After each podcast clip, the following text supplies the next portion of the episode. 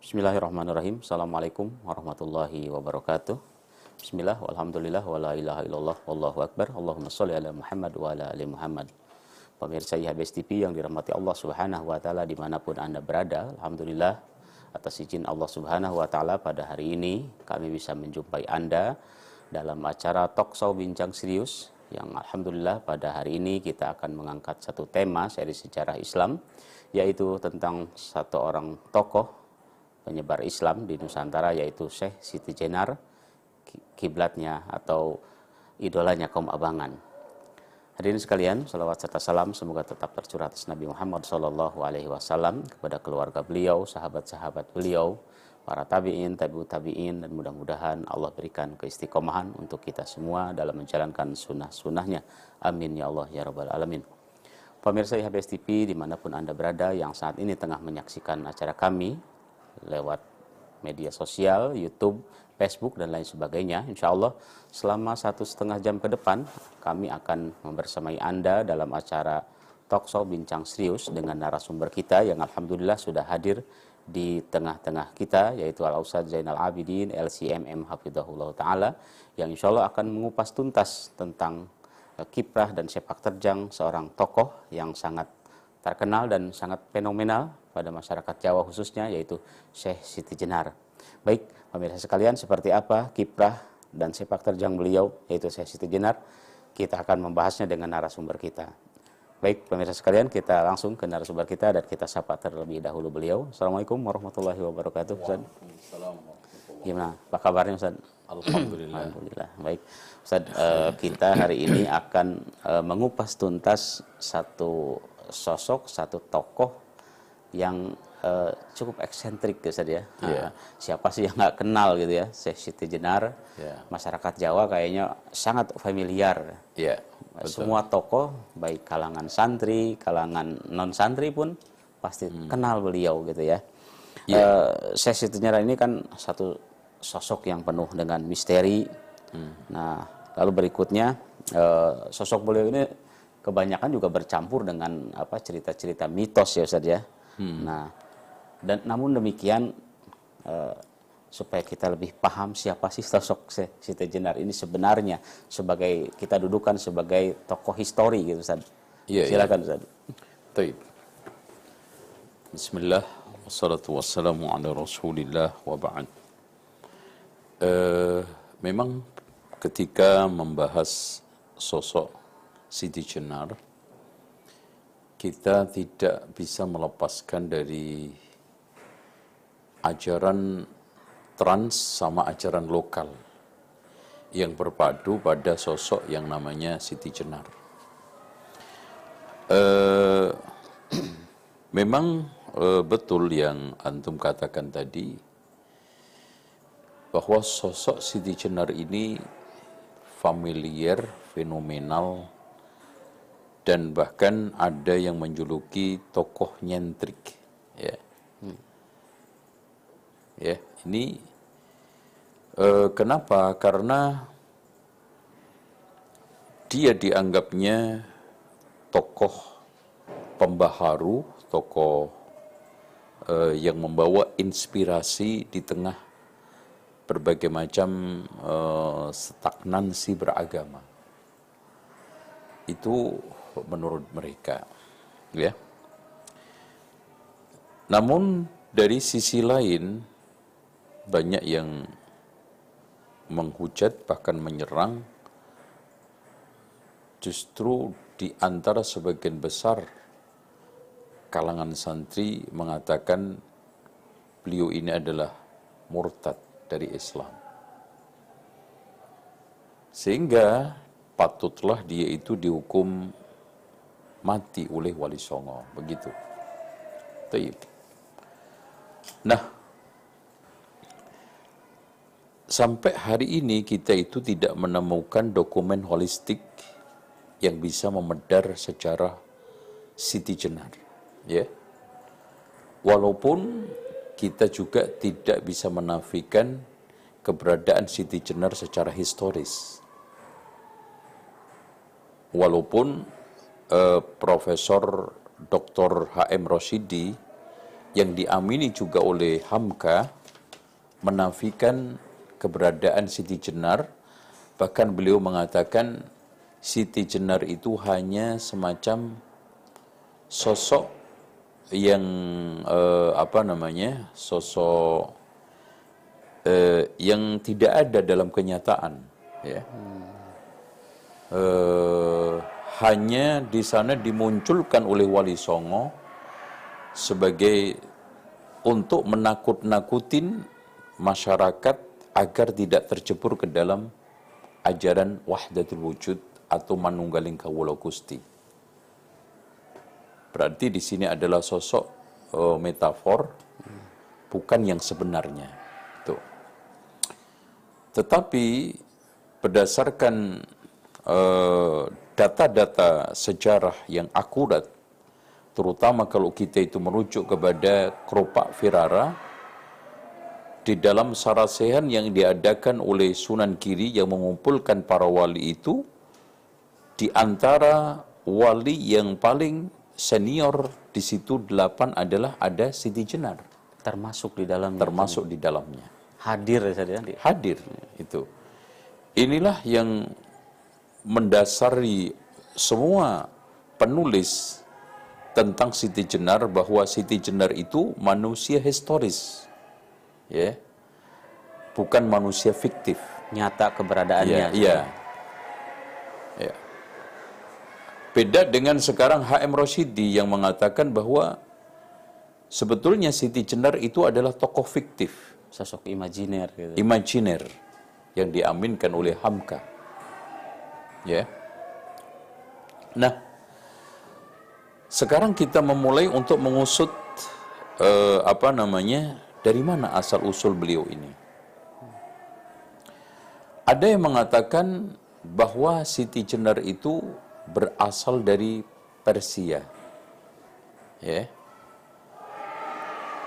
Ada yang mengatakan bahwa Siti Jenar itu berasal dari Arab, turunan Rasulullah Shallallahu Alaihi Wasallam yang nanti pengembangannya itu dari Syekh Isa.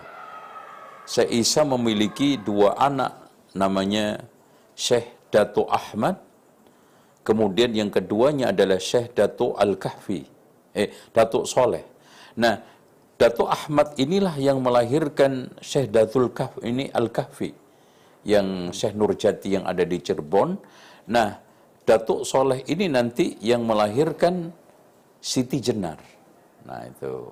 Ini eh, tetapi dikatakan oleh Ringkles ini merupakan suatu analisa yang menggelikan. Itu. Ada yang mengatakan bahwa Siti Jenar itu berasal dari Jawa. Anak resi bungsu yang dikutuk oleh orang tuanya menjadi cacing. Nah, ketika saat Sunan Bonang mengajari ilmu, ya, ilmu itu dalam bahasa Jawanya itu angel ketemu, ya, bukan ilmu yang kita maksud, ya. Ketika mewejang ilmu itu, dia nguping apa yang diwejangkan oleh Sunan Bonang. Akhirnya Sunan Bonang tahu, maka si cacing itu dijelmakan lagi dalam bentuk manusia. Tapi ini juga diragukan oleh banyak penulis. Karena sampai detik ini tidak ada manusia berasal dari jelmaan cacing atau hewan-hewan lain. Semua lahir dari anak Adam. Berdasarkan surat An-Nisa kan gitu. Ya ayyuhalladzina amanu ya ayyuhan nasu dan seterusnya itu ya. Nah, yang terakhir inilah mungkin yang didukung oleh banyak ahli sejarah Muslim Melayu Indonesia Malaysia. Di antaranya adalah Syekh Abdurrahman Haji Abdullah yang mengatakan bahwa Sunan Bun eh, Siti Jenar itu berasal dari eh, berasal dari Aceh, berasal dari Pasai. Samudra Pasai. Samudra Pasai, ya. Dia namanya adalah Syekh Abdul Jalil. Makanya namanya itu sangat banyak sekali ya. Syekh Abdul Jalil, Syekh Jabaranta, ya. Syekh San Ali Ansor, ada Syekh Brit ya, Lemah Abang, Siti Jenar. Ini ini biasa tokoh yang memang misterius seperti ini memiliki banyak gelar dan nama. Dan itu tujuannya untuk mengelabui masyarakat. Ya. Uh, dan juga untuk menyanjung secara berlebihan kan gitu. Oke. Okay. Uh, perlu diketahui bahwa kenapa di sini uh, Siti Jenar itu berasal dari Aceh yang dikuatkan oleh banyak tokoh-tokoh dari uh, Melayu ya karena uh, taib. Uh, karena Raja Mahabokoi Aceh ini, be, maaf, Perdana Menteri Mahabokoi Aceh ini itu memang penyebar aliran wahdatul wujud manunggaling kawula Gusti. Ya. Berarti tidak hanya di Jawa Ustaz ada gel, yeah. apa eh, paham seperti itu di Aceh pun sebelumnya sudah ada gitu ya. Iya, yeah, bahkan awal daripada wahdatul wujud itu hmm. muncul di Aceh. Hmm. Makanya ada Hamzah Al-Fansuri, kemudian Abdul Raub Singkel yang memeranginya, hmm. bahkan lebih tegas lagi eh, apa namanya di sana ada Nuruddin Araniri. Ya, eh, yang ketika itu didukung oleh Iskandar Sani sehingga kembalilah ajaran ahli sunnati wal jamaah. Dan ini tidak lepas daripada uh, pengaruh syiah. Kan gitu. Itu. Ini ini uh, kaitan dengan asal muasal uh, apa namanya Siti Jenar ya. Allah a'lam. Baik, Ustaz. Nah, selanjutnya Ustaz uh, ada penamaan Siti Ustaz di sini yang perlu yeah. diketahui ini biasanya kan Siti ini kalau pada umumnya ya uh, itu nama perempuan Ustaz. Nah, hmm. kenapa ada penyebutan Siti Jenar gitu Ustaz? Taib. Sebetulnya Siti ini tidak uh, terkesan harus perempuan. Hmm. Bahkan sebagian tokoh mengatakan bahwa Siti itu dari kalimat Sayyidi. Hmm. Eh, bahkan eh, ada salah satu mantan atas uh, apa namanya uh, Mesir uh, atas informasi dan juga pemberitaan mengatakan asal daripada nama dia itu bukan Siti Jenar tapi bahasa Persia yaitu Sayyid eh, Sidi Sidi Zannar yaitu Sidi itu tokoh Zannar yang berapi-api itu kan gitu. Itu asal musal, asal muasal kenapa dikatakan Siti Jenar dan ini yang paling populer. Kan gitu. Iya. Walaupun uh, kalau orang Jawa Siti itu tanah, Jenar itu kuning. Tetapi yeah. Dalam satu sisi dia dinamakan juga Siti Brit. Eh, ya. eh, kenapa di sini diarahkan Siti Jenar ini kadang dikesankan merah, kadang dikesankan kuning. Padahal dari sisi filosofisnya kuning sama merah itu sangat berbeda ya. ya. Allah a'lam. Dan selanjutnya uh, sesi tejenar ini kan uh, termasuk anggota atau apa, wali yang hadir dalam saresehan Wali Songo gitu saja ya, yang yeah. memang datanya secara otentik tertulis dalam keropak perara gitu saja. Yeah. Nah, yang jadi pertanyaan Anda, apakah uh, sesi tejenar ini termasuk ke dalam keanggotaan Wali Songo juga Ustaz? Uh, kita tidak ingkari bahwa Wali Songo ini adalah tokoh-tokoh yang sangat cinta persatuan. Siapa pun yang berkiprah dakwah di Jawa itu direkrut, didekati, dan dirangkul. Termasuk juga Siti Jenar, ya. Kehadiran Siti Jenar ke Jawa yang itu dari Pasai Aceh yang pernah juga di Malaka bahkan sebagian ahli jarah dia itu lama juga di Baghdad itu dirangkul sebagai bagian daripada dakwah ya itu karena memang Wali Songo itu sangat cinta persatuan sangat cinta uh, kesatuan dan uh, apa namanya kalau kita lihat adalah uh, apa ya uh, keakraban ya gitu akan tetapi ketika Siti Jenar menunjukkan keganjilan, maka dari situ mulai sikap-sikap Wali Songo itu ditampakkan. Ya, ditampakkan. Ya. Uh, oleh karena itu, uh, uh, ketika saat Siti Jenar itu menyiarkan wahdatul wujud, manunggaling kawula Gusti, maka pada saat itu dia peringatkan kan gitu. Dia peringatkan. Ya, diberikan satu nasihat-nasihat tapi tidak ada satu ekspresi apa pun. Nah, ternyata setelah diingatkan dinasihatin Siti Jenar itu malah menjadi jadi. Akhirnya puncaknya para wali dipimpin oleh Sunan Giri dan ini pasca uh, Sunan Ampel diadakan sarasehan yang menyoal tentang ma'rifatullah yang tidak lain adalah menyoal makrifat Siti Jenar yang diadakan diri Kedaton yang dipimpin oleh Sunan Giri yang ketika itu bulan Ramadan yang tidak lain adalah bulan Ramadan ya hari Jumat eh, tahun Wawu nah itu ya Allah alam dan Syekh Siti Jenar itu hadir juga ya Ustaz dalam sarasehan tersebut ya dan beliau bersoal jawab tentunya dengan para iya. wali ya. Ustaz ya di situ. Iya, iya terjadi diskusi yang cukup hangat dan cukup sengit. Bahkan semua wali memberikan satu pandangan-pandangan yang jernih, pandangan-pandangan yang tulus, ingin mengembalikan Siti Jenar kepada ajaran yang asli, ajaran yang murni, ajaran Islam. Ya, bahkan yang paling uh, sengit memberikan satu bantahan-bantahan tela, sangan-sangan tela terhadap ucapan Siti Jenar adalah Syekh Maulana Maghribi. Sayangnya kita tidak menemukan siapa sosok Syekh Maulana Maghribi ini. Dan sama sekali tidak ada selembar pun kita dapatkan dari penulisan baik itu luar Jawa, maksudnya para ahli sejarah internasional, baik itu barat maupun yang lainnya, atau lokal menulis siapa Syekh Maulana Malik Ibrahim ini. Ini Syekh Maulana Maghribi ini.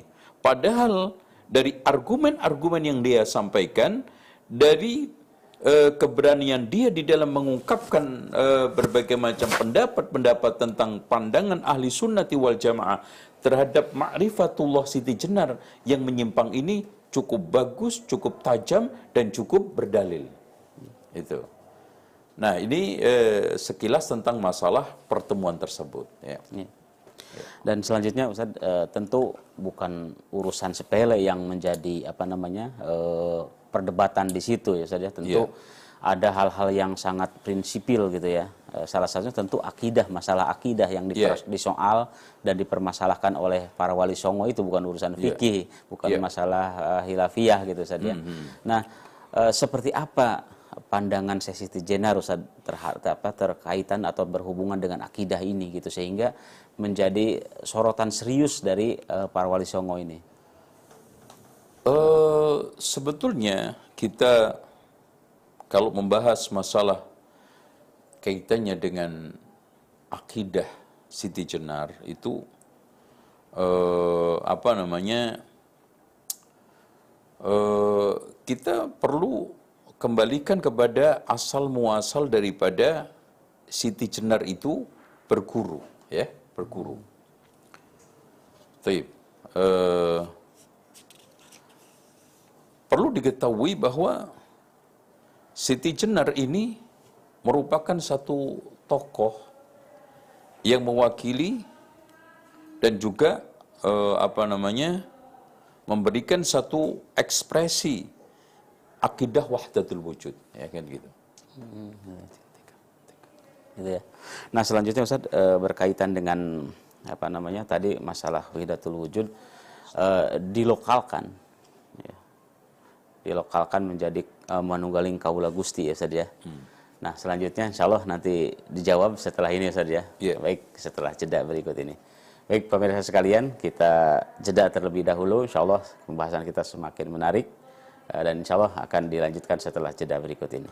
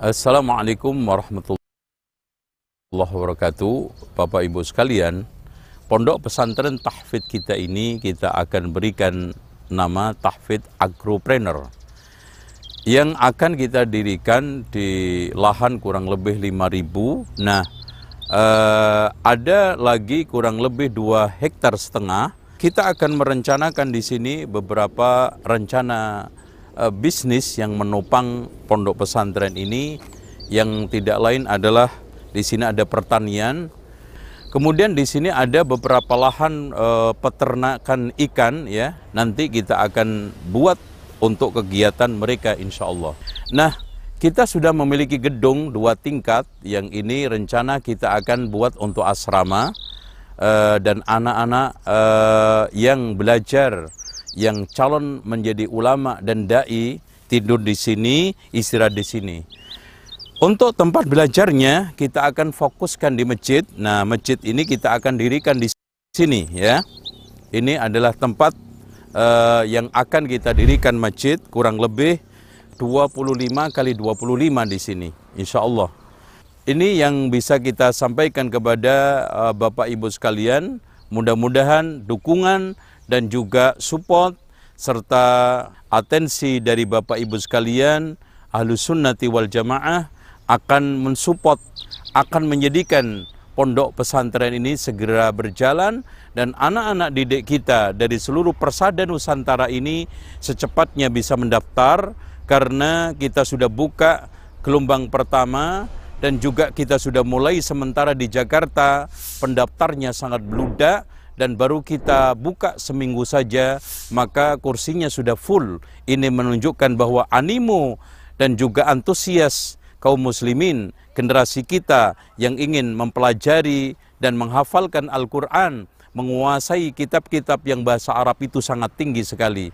Demikian mudah-mudahan Bapak Ibu sekalian bisa mendukung, mensupport kami untuk mendirikan melangsungkan membangun pondok pesantren tahfidz dan bahasa Arab ini gratis insya Allah. Demikian mudah-mudahan manfaat. Assalamualaikum warahmatullahi wabarakatuh.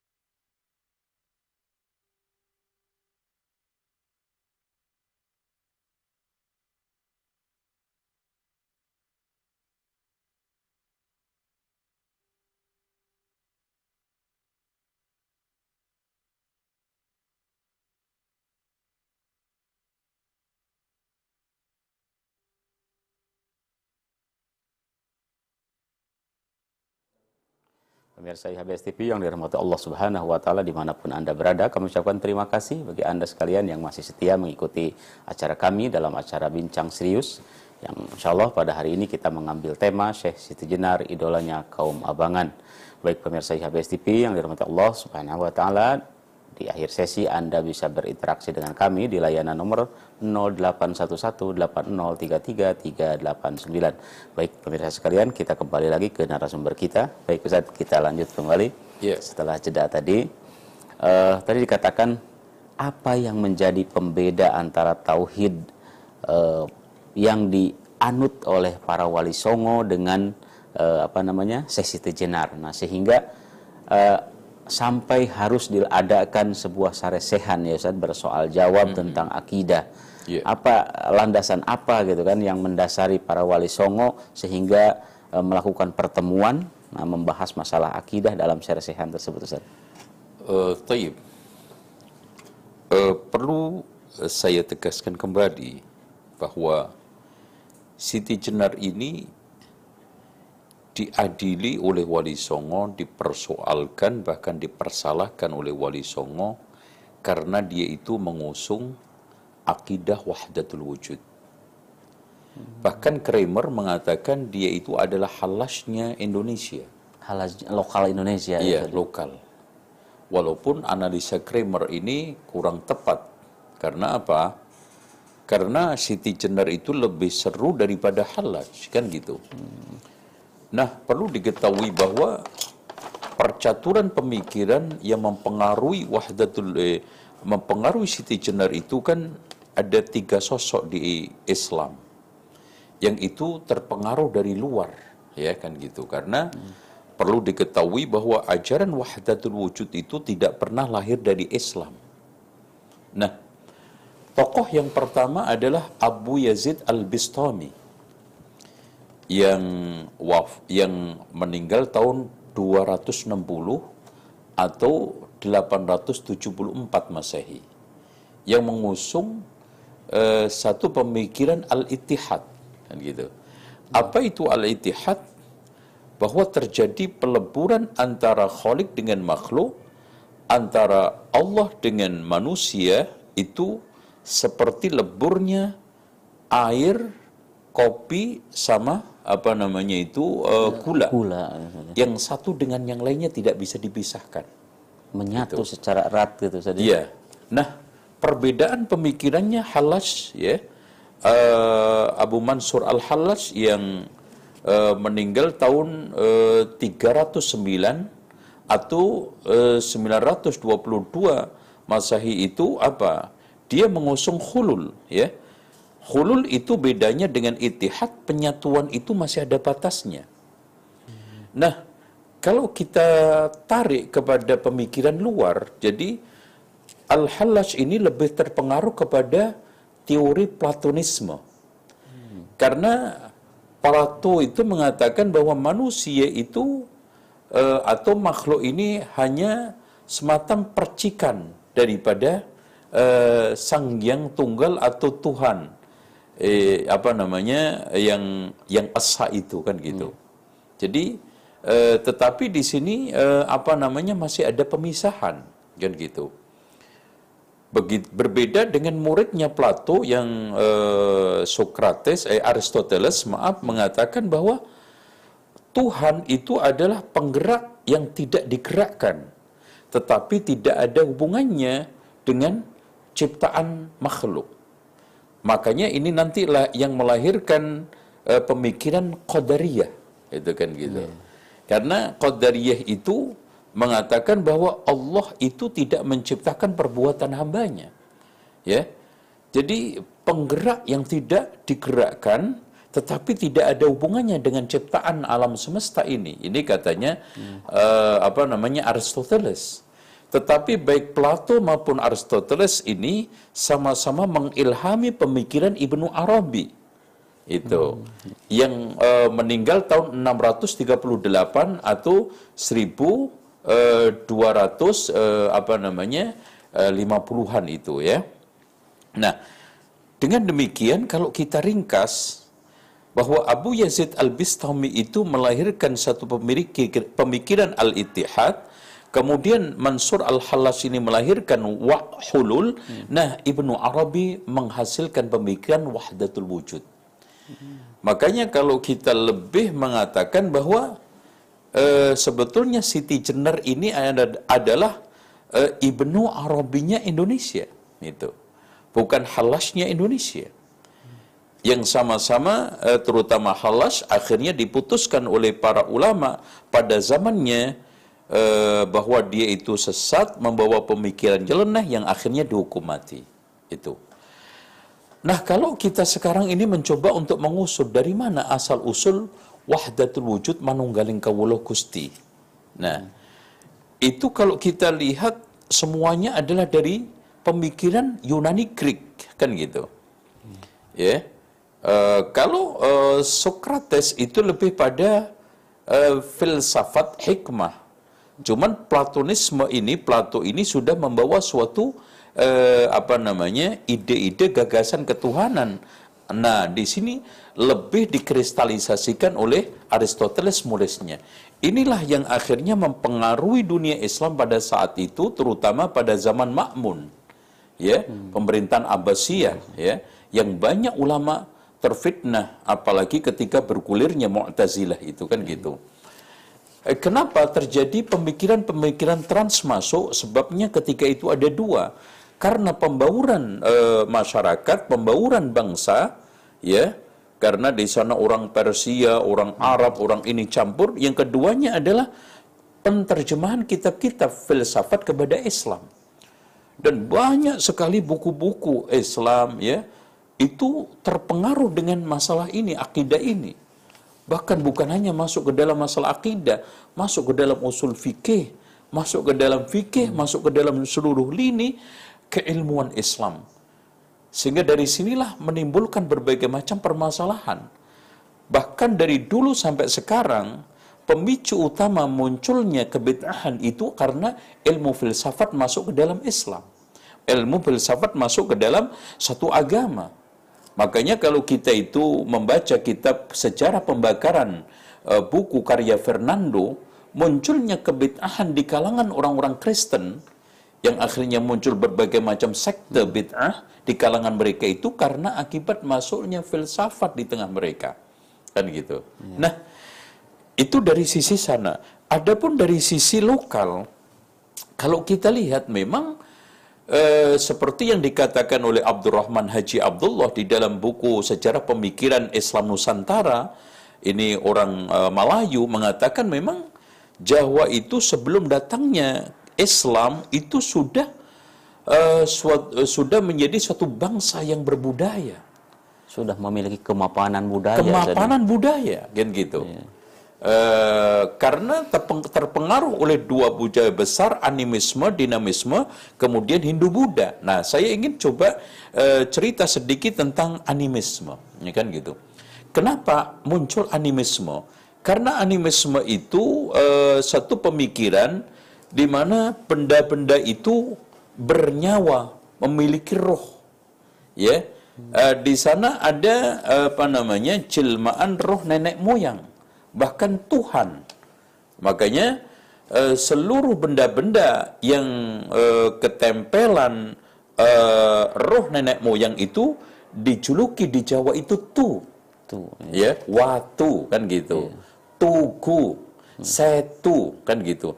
Nah, ternyata pemikiran animisme ini berkembang bahwa roh leluhur bahkan Tuhan itu sendiri ada di mana-mana gentayangan. Makanya dinamisme namanya.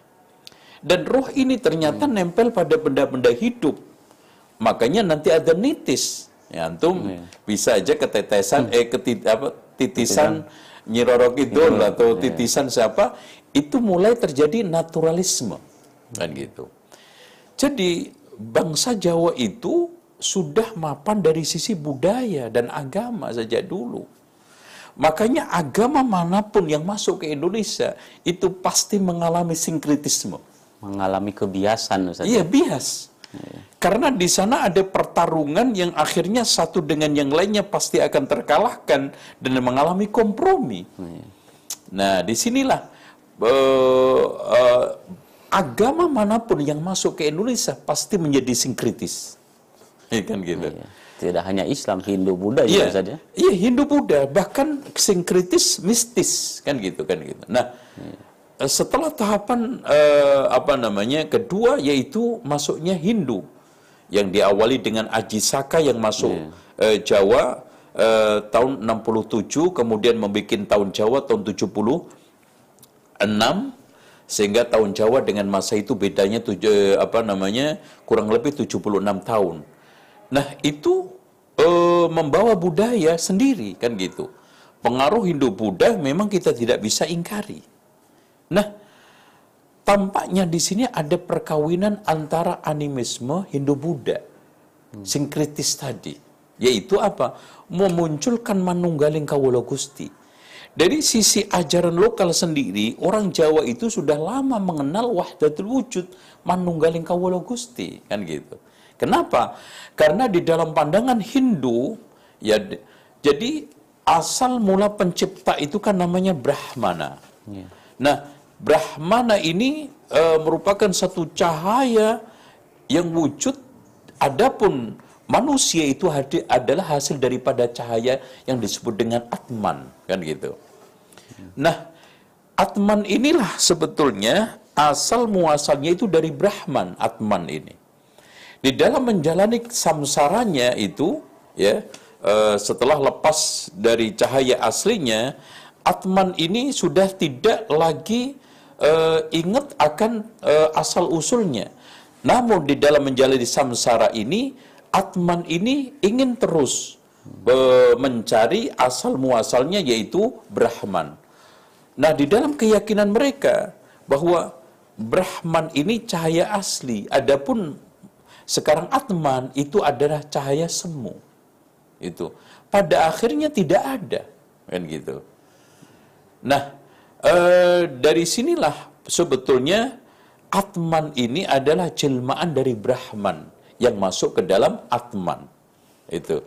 Nah, dari sinilah teori Manunggaling Kawulo Gusti itu muncul. Nah, setelah uh, Buddha masuk, kan Buddha itu ada uh, bersekte uh, juga kan. Yeah. Yang pertama kan Buddha Hinayana, yeah. kemudian uh, muncul Mahayana. Yeah. Nah, Mahayana ini juga sangat fleksibel, sangat lentur dan apa namanya akomodatif, ya. Yeah. Uh, bisa menerima ajaran-ajaran dari mana pun. Makanya Empu Tantular itu kan mengarang kitab eh, yang judulnya eh, Soma Suka apa itu? Sutasoma. Sutasoma ya, Sutasoma itu kan kumpulan ajaran dari Hindu dan Buddha. Hmm. Kan gitu. Sinkretisme Hindu Buddha Iya, di sana di, diwujudkan kan gitu. Dengan demikian uh, di dalam apa kitab apa tadi? Sutasoma. Sutasoma itu ada ajaran binika tunggal ika kan gitu. Iya. Sebetulnya binika itu meskipun siwa Buddha ini berbeda tapi tunggal satu. Cuman akhirnya menjadi filosofi bangsa kita. Tapi aslinya binika tunggal ika itu lahir daripada sinkretisme antara Hindu dan Buddha, kompromi antara Hindu dan Buddha. Yang memang pada zaman itu konflik kan gitu kan gitu. Nah, eh, apalagi jatuh kepada Buddha Tantrayana yang diyakini oleh Mojopahit kan gitu. Jadi Mojopahit itu sebetulnya bukan Hindu, tapi Buddha Tantrayana, yaitu pecahan dari Mahayana. Ini semua mengakomodir akidah wahdatul wujud manunggaling kawula Gusti. Nah, ternyata eh, manunggaling kawula Gusti gaya Hindu Buddha yang kecampuran animisme itu makin mendapatkan bentuk yang nyata real ketika hmm. ada Siti Jenar muncul itu mendapatkan satu apa ya aspirasi satu ruang gitu satu juga. ruang bahkan mendapatkan hmm. satu pembenaran untuk diterima orang Islam karena Manunggaling Kawula Gusti ini diislamisasikan oleh Siti Jenar tidak hanya Islamic worldview-nya aja tapi iya. bahkan sudah nyata gitu kan nah itu inilah yang kita harus bahas nah oleh karena itu penyatuan ini dijelmakan di dalam Candi Borobudur. Nah, ini kita hmm. coba bahas sedikit Candi Borobudur. Masih ada hubungannya juga bisa Ada ya. Jadi sebetulnya Candi Borobudur itu adalah candi sinkritisme. Itu kan dibangun di zaman uh, Wangsa Sailendra ya. ya. Uh, Samaratungga ya, yeah. itu yang arsitekturnya adalah Gunadarma yang dikenang oleh salah satu universitas yeah. itu kan yeah. gitu. Nah, kalau kita melihat ya asal daripada ideologi pemikiran Hindu itu kan adanya suatu uh, apa namanya gunung mistik hmm. ya kosmos Makanya kalau kita itu lihat wayang baik itu yang sumbernya dari Ramayana, Mahabharata, selalu yang keluar adalah gunung. Itu sebetulnya adalah gunung mistik. Ya. Gunung yang hanya ada di dalam ideologi hayalan, tidak ada dalam kenyataan. Gunung imajiner ya. Gunung imajiner. Nah, gunung itu eh, diyakini dipindah dari eh, Jambu Dwipa, India. Separuhnya dipindah ke Jawa untuk tinggal eh, Girinata yang tidak lain adalah dewa gunung yaitu Siwa. Jadi Siwa itu eh, dijilmakan dalam bentuk dewa gunung yang dijuluki oleh orang Jawa namanya Girinata. Itu. Nah, gunung ini eh, apa namanya puncak satu yang dikelilingi oleh samudra yang kemudian dikitari oleh tujuh eh, tujuh eh, benua. Nah, di masing-masing benua ini juga ada gunung-gunung mistis, kosmos yang tidak nampak. Nah, maka di situ dijelmakan di Borobudur, ya. Makanya di paling pucuk itu ada apa namanya? Stupa. Ya, apa tugu ya, Ya, yang paling ya. tertinggi. Nah, stupa itu sebetulnya adalah tempat untuk mengubur eh, mengubur abu mayatnya Buddha, kan gitu. Cuma pada waktu Wangsa Sailendra digunakan untuk mengubur abu mayat nenek moyang mereka. Itu. Dan tolong dicamkan bahwa candi di Jawa dengan di India itu berbeda. Kalau kuil di sana kan digunakan untuk tempat ibadah. Ibadah, ya. Kalau candi itu nisan digunakan oleh eh, rakyat sebagai tempat untuk pertemuan rakyat dengan roh nenek moyangnya. Kalau di Nusantara Eh, Ustaz, nah, ya. kalau di Nusantara makanya candi itu lebih eh, lebih diekspresikan sebagai tempat untuk mengubur abu mayat. Dengan demikian di sana ada ritual-ritual aktif ya. Makanya kalau kita eh, sekarang ini mencoba kita seret kalau ada seorang tokoh agama ya eh, terutama Islam melarang ke sana untuk jalan-jalan itu memang menemukan argumennya. Karena itu tempat ibadah aktif sampai sekarang. Bahkan pada acara-acara tertentu hari Iya, apa? Waisak. Ustaz. Waisa itu digunakan karena di pucuk stupa itu eh, diyakini oleh orang-orang Buddha terdapat eh, abu mayat 10 ya, 10 ya. 10 keturunan Wangsa Sailendra, raja-raja Wangsa, Wangsa Sailendra. Nah, di sini juga perlu diketahui bahwa kenapa muncul wahdatul wujud nanti ada juga sekte-sekte Wong Cili Abangan karena di dalam kitab negara Kertagama itu diyakini bahwa raja-raja Jawa itu semua adalah titisan dewa. Itu dewa raja raja dewa kan gitu. Nah, di sinilah sudah mulai muncul satu gagasan manunggaling kawula Gusti. Jadi dewa Gusti itu yang makanya eh, Allah juga bagi orang Jawa dijuluki Gusti, si raja juga Gusti. Gitu. Jadi sama-sama memiliki gelar Gusti, Gusti Allah, Gusti Ratu kan gitu, kan gitu. Nah, di sinilah sehingga di sana ada suatu kekuatan magic yang ada pada setiap raja. Makanya titahnya itu diturut, titahnya itu selalu dianut, tidak bisa dibantah karena suara raja adalah suara Tuhan. Titisan. Iya, titisan. Nah, itu. Kalau seperti itu apa bedanya mungkin dengan seperti Jepang dalam agama Shinto yang menganggap bahwa eh, Tenohaika atau kaisar Jepang itu ya titisan Tuhan juga gitu. Iya sama, makanya eh, Raja Kediri Kertajaya kalau nggak salah itu disebutkan di dalam Pararaton itu adalah turunan eh, apa namanya eh, ini Titisan, siwa, titisan titisan siwa. Makanya eh, di sana digambarkan di dalam patung itu memiliki mata tiga kan, yang satunya di eh, Jidat, di, ya. eh, jidatnya itu kan, kemudian memiliki empat tangan dan bentuknya pun ngawang di atas luar di angka angkasa kan gitu.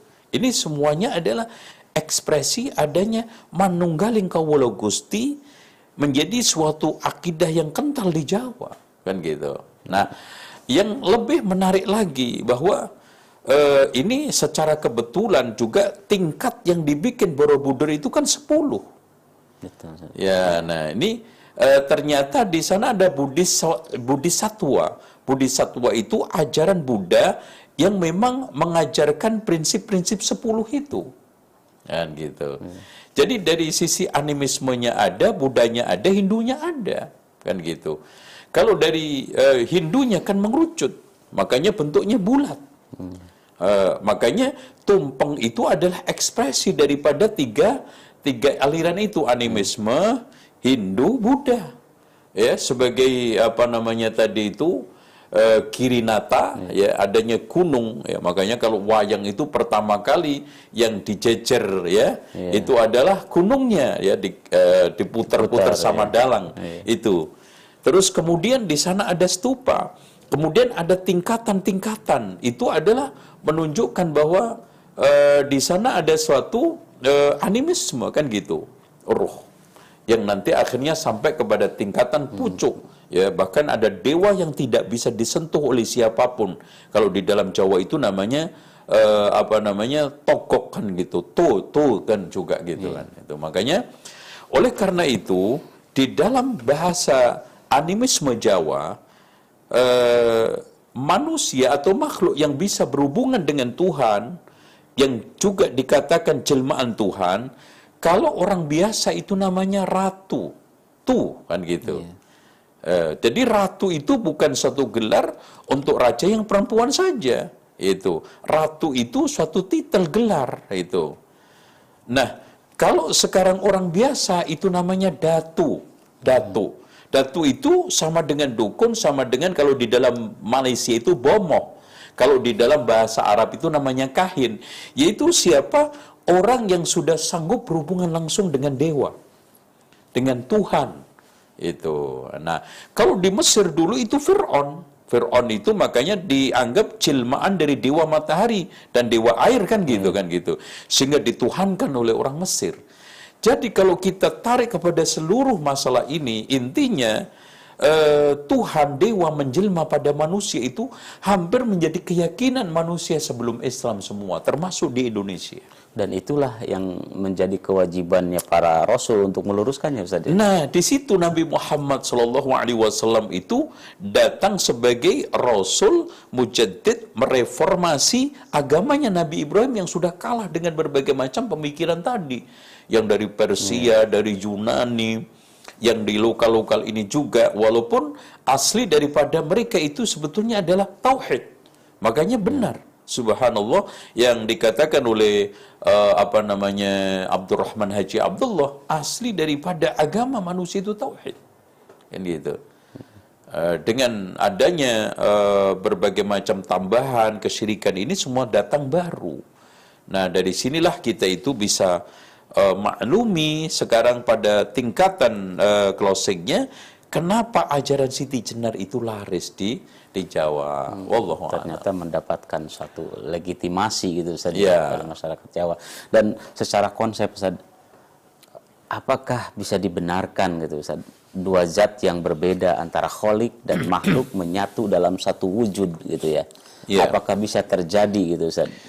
Sebetulnya kalau uh, di dalam kitab Manunggaling Kawalo Gusti karangan Zutmulder ini itu semua hanya ada di hayalan. Ya. Yeah hanya ada di dalam suatu bayangan, pada kenyataannya nggak ada. Karena kholik dengan makhluk itu suatu uh, apa namanya uh, dimensi yang sangat berbeda. Uh, dan di dalam Islam juga ditegaskan laisa kamitslihi syai'un. Ya.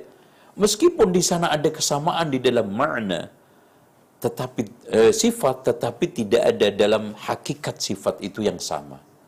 Ya, jangankan antara khalik dengan makhluk, antar makhluk saja walaupun ada kesamaan makna sifat tetapi perbedaan hakikat sifat itu sangat nyata.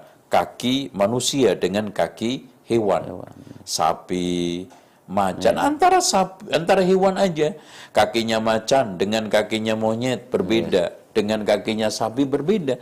Bagaimana sekarang ini kita samakan kholik dengan makhluk? Nah di sinilah akhirnya pengaruh-pengaruh ini muncul ke dalam dunia Islam. Ya, kalau kita uh, apa namanya uh, usut uh, uh, di dalam pemikiran Islam itu kan dari mulai munculnya Ka'ab bin Dirham, Susan, Jahmiyah, Jam bin Sofwan itu kan semua terpengaruh dengan akidah ini. Sampai akhirnya eh, Jam bin Sofwan menggulirkan satu tiga pemikiran yang itu akan menjadi cikal bakal legitimasi kesesatan yang meresap ke dalam Islam. Yang pertama adalah Ad-Jabr, yaitu Jabriyah, manusia itu hanya pasrah, tidak bisa menolak takdir, ketetapan aturan Allah, bahkan mereka itu hanya seperti apa namanya uh, bulu eh, ayam yang dibawa terbang angin, hmm. dan yang keduanya adalah ta'til, nama sifat Allah itu tidak ada Nah, tadi itu Platonisme bahwa sebetulnya manusia itu hanya pancaran, kan gitu. Eh, manusia itu hanya kamuflase dari cahaya yang benar, yaitu Tuhan. Dilanjutkan oleh Aristoteles juga bahwa Tuhan itu adalah penggerak yang tidak bergerak, ya, hmm. tapi tidak punya urusan dengan ciptaan dunia ini. Sehingga diambil oleh Qadariyah bahwa Allah Subhanahu wa taala tidak menciptakan ciptaan manusia, ini tindakan manusia. Walaupun di antara mereka segala sesuatu diciptakan oleh Allah kecuali perbuatan maksiat. Karena ini sama aja teorinya juga dari Platonisme karena Allah itu maha baik dan yang dinisbatkan Allah baik-baik benar. Dan Allah tidak menciptakan yang buruk. Nah, ini yang mulai berbahaya. Sehingga mereka menamakan Allah itu namanya the good. Kan gitu. Hmm. karena Allah itu hanya menciptakan yang baik-baik. Yang buruk itu akhirnya siapa yang menciptakan? Manusia itu sendiri. Sehingga di situ digodok bahwa berdasarkan uh, keadilan Allah nggak mungkin Allah itu menciptakan keburukan dan kalau seandainya buruk itu nanti disiksa suatu keadilan yang nyata bahwa kalau buruk itu diciptakan oleh manusia sendiri, Allah nggak tahu, nggak nyatet, nggak menciptakan, nggak menghendaki. Nah ini sudah mulai masuk ke dalam ranah akidah.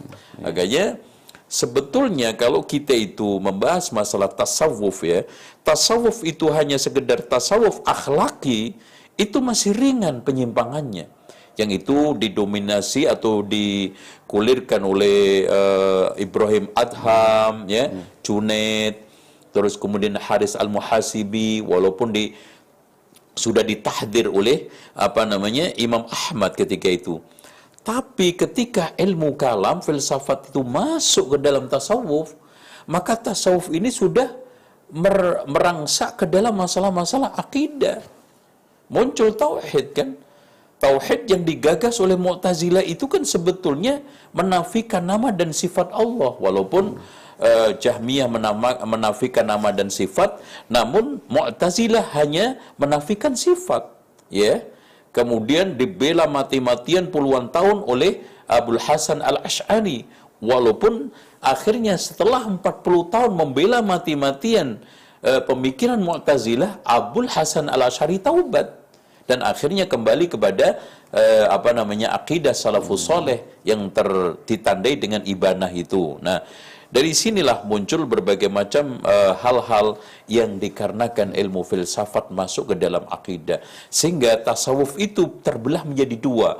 Ada tasawuf falsafi, ada yeah. tasawuf torikot. Kalau falsafat itu dari atas ke bawah, kalau sekarang torikot dari bawah ke atas dan masing-masing nanti ujung-ujungnya manunggal dari atas ke bawah Allah itu menjelma kepada makhluknya tajalli kan gitu yeah.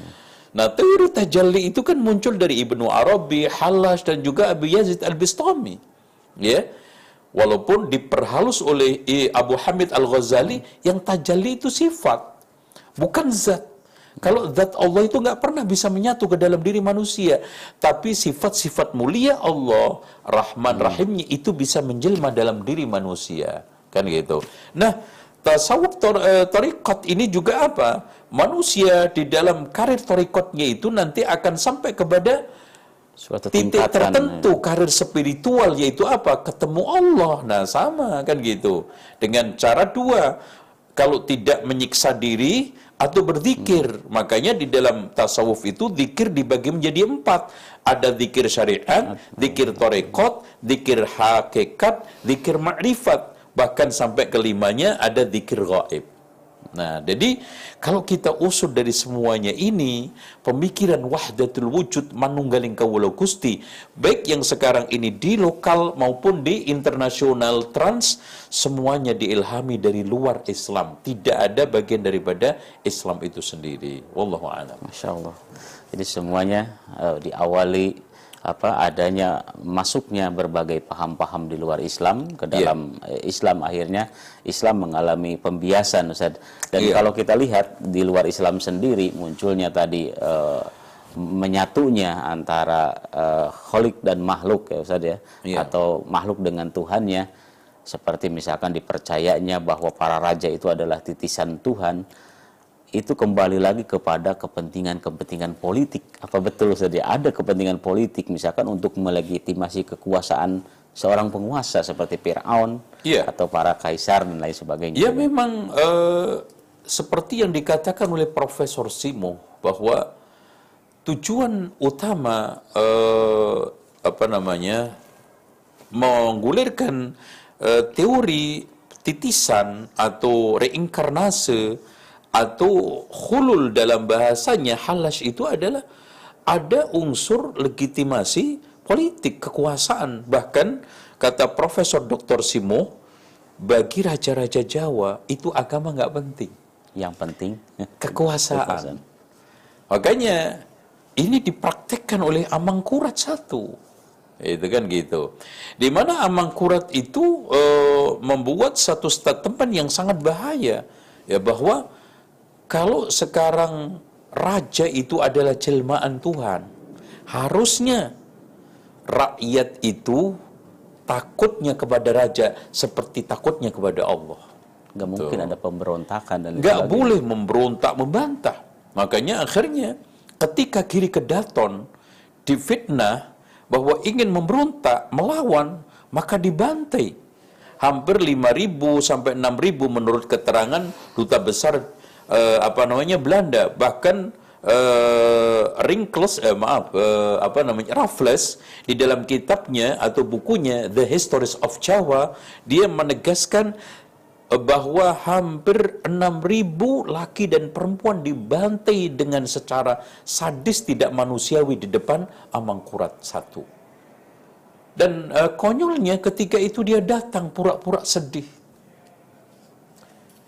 Setelah itu menemui Pangeran Purbaya mengatakan inilah balasan orang-orang yang kurang ajar sama Tuhan sama raja yang itu adalah jelmaan daripada Tuhan nah itu dan ini saya bukan omong kosong, bukan ngarang, bisa di dalam dibuka di dalam kitab The Histories of Java karangan Tom Raffles, ya.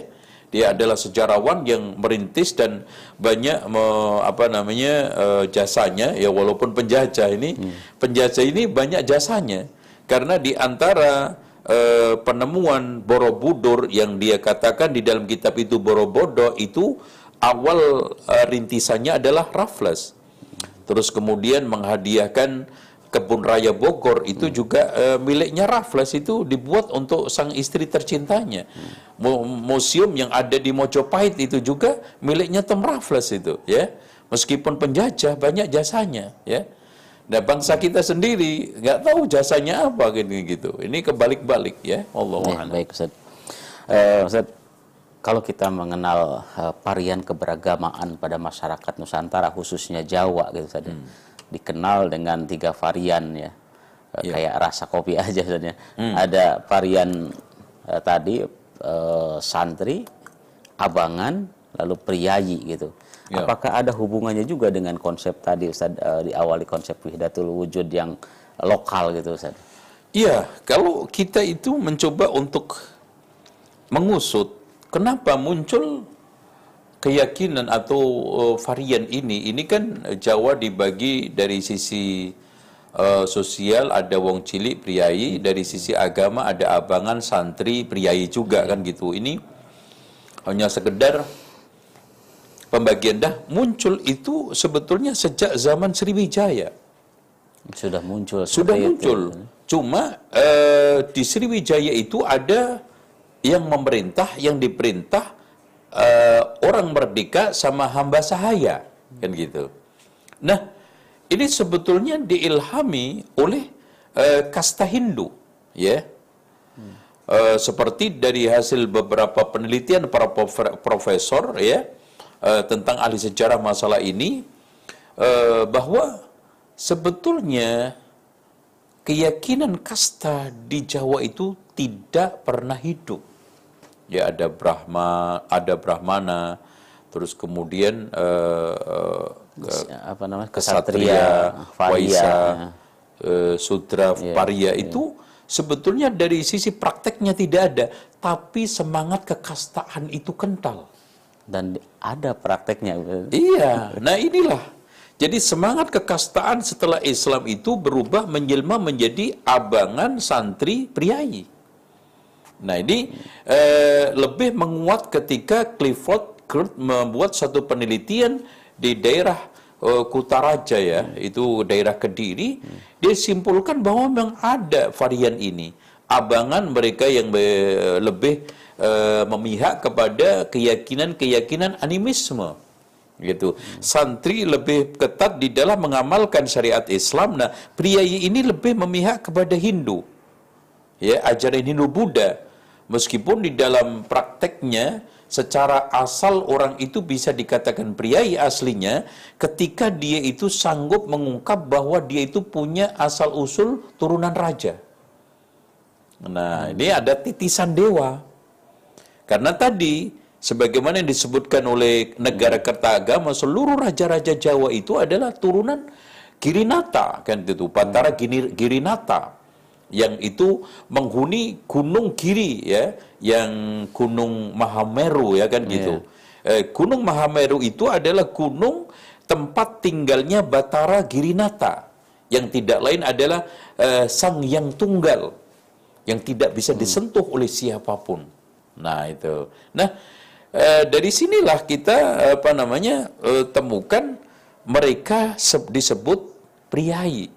Nah dari sisi pekerjaan profesinya mereka rata-rata bekerja di kalangan pemerintahan. Kalau dulu itu eh, banyak bekerja di eh, zaman Belanda itu Sebagai di pemerintahan, pangreh- ya. praja. Iya, atau bekerja di tempat-tempat yang halus, tempat-tempat yang ya kalau dalam bahasa sekarang kursinya basah lah kan Iya, gitu. Di belakang meja. Ustaz. Ya, dia lebih banyak menunjuk, memerintah, mengarahkan. Ya, mereka-mereka yang kerja kasar itu namanya wong cili, kan gitu. Itu wong cili, ya. Dan wong cili ini selalu eh, apa namanya eh, tidak diarahkan untuk berkembang. Makanya komentar orang-orang Belanda yang juga diungkapkan oleh Tom Raffles di dalam kitabnya The Histories of Java, wong cili ini eh, cenderung pemalas, tidak punya gairah untuk hidup dan mereka itu cenderung eh, culas ya kerjaannya itu hanya eh, sehari dua hari untuk makan ya. Setelah itu dia ongkang-ongkang, mainnya itu enak, tidak mau susah, tetapi dia itu pengen makan enak, hidup enak, tidur enak dan juga pakaian bagus. Ini ini ciri wong cili. Ini bukan saya juga yang ngomong ya. Bisa dibuka di dalam kitab The Histories of Java. Bagaimana Tom Raffles mengungkapkan wong cili itu siapa? Menggambarkannya seperti itu. Iya, karena mereka hanya dijadikan abdi, kaki tangan eh, raja ketika itu. Dan tidak boleh bantah, tidak boleh melawan, dan yang lainnya. Suara rakyat, eh, suara raja adalah suara Tuhan tadi. Makanya setelah kemerdekaan dimunculkan secara drastis, frontal, suara rakyat, suara Tuhan. Makanya pada saat itu demokrasi itu langsung laku sebagai perlawanan dari sistem feodal ini yang sudah eh, apa namanya mengakar kuat di tanah Jawa ini, ya. Wallahu a'lam. Jadi intinya eh, tadi seperti misalkan dalam konsep keberagamaan pun eh, kaum priayi ini banyak mendapatkan eh, apa namanya eh, semacam privilege Ustaz, seperti misalkan dalam melaksanakan sholat Jumat misalkan. Kalau priayi katanya ya nggak harus ngumpul sholat Jumat di masjid seperti yang lainnya tapi biasanya ya sholat Jumatnya juga di Mekah gitu kan Iya. gitu ya. Seperti itu ada kan Ya, seperti itu. ya? memang begini, eh, seperti yang ditegaskan oleh para eh, penulis kesusastraan Jawa seperti Fran Maksuseno mengatakan bahwa raja-raja Jawa itu nggak pernah sholat Jumat kan, itu. Kalau seandainya sholat sholat itu Jumat itu hanya Sultan Agung, yang lainnya itu nggak mau bahkan Amangkurat satu itu nggak mau dengan gelar Islam, Sultan itu nggak mau. Kalau bapaknya eh, Mas Rangsang ini kan eh, pernah di Mekah, makanya dia bahkan meminta sendiri kepada eh, Syarif Mekah untuk mendapatkan gelar Sultan, seperti juga yang didapat oleh Raja Banten dan yang lainnya. Nah, setelahnya nggak mau, eh, eh, me- menyematkan pada dirinya gelar Sultan, kan gitu. Makanya ini yang di antara sekian nanti insya Allah kita bahas, kenapa Diponegoro itu memberontak, gitu. Karena ketidakterimaan perubahan-perubahan yang mendasar di dalam keraton yang awal rintisannya itu memang untuk agama.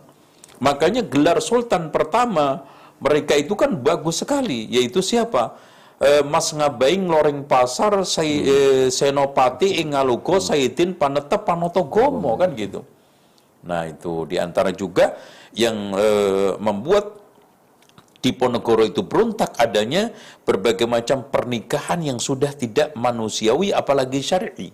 Raja-raja mereka itu rata-rata istrinya itu puluhan. Coba aja bayangkan Amangkurat satu istrinya berapa? 43. Kan itu. Itu isi resminya itu. Ya, Allah alam. Nah selanjutnya Ustaz kembali lagi kepada konsep tadi eh, abangan, santri dan priayi gitu kan. Secara jelas apa yang membedakan gitu secara kasat mata antara eh, tiga varian beragama pada masyarakat Jawa itu. Taib. Eh, di sana ada semacam penelitian yang eh, dihasilkan oleh para peneliti. Dalam dalam beragama orang Jawa itu terbagi menjadi tiga. Ya mereka yang eh, beragama santri itu hampir eh, 10%. Mereka yang komitmen menjalankan Islam secara ketat itu 10%. 30 persennya mereka itu ya eh, silent majority kan gitu ya. Maksudnya bisa ke sono sini ya kelompok ini yang penting bisa lancar memba- membaca Al-Fatihah. Kalau keluarganya mati biar bisa Baca ngirim. Al-Fatihah. Kemudian kalau sholat minimal bisa keluar Jumat dan Idul Fitri, Idul Adha. Nah, yang sisanya itu adalah kelompok abangan. Ya, mereka itu seperti dikatakan Fahdur Rahman, ya ini adalah salah satu pakar tokoh eh, internasional mengatakan bahwa sebetulnya eh, Islam itu hanya kelihatan eh, apa namanya di dalam tataran luar saja. Ya, tapi badannya ini utuh masih langgam adalah langgam Hindu Buddha. Kan Itu, itu ini yang banyak sekali. Dan inilah yang menjadi kerjaan berat eh, para dai. Bahkan kemungkinan besar ini yang menyebabkan Sunan Kalijogo mencoba untuk merubah strategi dakwah awalnya dari mulai Syekh Maulana Malik Ibrahim me- menerapkan Islam eh, ketat non kompromi Sunan Ampel juga Sunan Giri. Nah, di sini Sunan Kalijogo sudah mulai kompromi karena itu masalahnya. Makanya Sunan Kalijogo dikatakan duta besar. Tradisi Buddha Jawa eh, eh, Jawa apa namanya eh, eh, Buddha dengan Jawa Islam. Itu. Jadi Jawa Hindu Buddha dengan Jawa Islam. Ini penghubungnya adalah Sunan Kalijogo. Makanya diberikan satu oh, eh, apa namanya ya eh, semacam personifikasi ketika membangun Masjid Demak tangan kanannya Sunan Kalijogo memegang menara Masjidil Haram, tangan kirinya memegang masjid menara Masjid Demak untuk disamakan kiblatnya, di, dicocokkan kiblatnya ternyata nyambung. Ini sebetulnya personifikasi nggak pernah ada dan nggak mungkin kan gitu. Masya Allah. Cuman di sini seorang orang Jawa ingin membuat suatu uh, ungkapan bahwa Sunan Kalijogo ini betul-betul penyambung lidah antara Jawa dengan Islam, Jawa Hindu Buddha dengan Jawa Islam. Maka yang bisa mengkaitkan, menggabungkan sehingga bisa diterima, sehingga Islam mayoritas, Icoro-Yoroyo adalah Sunan Kalijogo. Itu ya, Allah alam dan uh, tentu pengaruh atau peranan para penjajah Belanda pun sangat dominan juga ya dia pertama ya memang sudah ada modal untuk terjadinya apa uh, munculnya tiga varian tadi ditambah ya. lagi ada peranan para uh, apa penjajah Belanda tentunya ya, ya akhirnya semakin membiaskan gitu konsep-konsep keberagamaan di khususnya Islam ya maksudnya. Iya, memang kita tidak ingkari ya bahwa memang seperti yang dikatakan oleh Gert di dalam kitabnya Abangan Priayi dan juga Santri itu bahwa Belanda itu lebih dari 300 tahun ya menguasai Indonesia. Nah, menjajah Indonesia. Walaupun ada coba akhir-akhir ini membiaskan ini, apa benar eh, Belanda itu menjajah 350 tahun? Ya dalam konteks-konteks tertentu memang bisa dikatakan tidak. Kan awalnya dagang.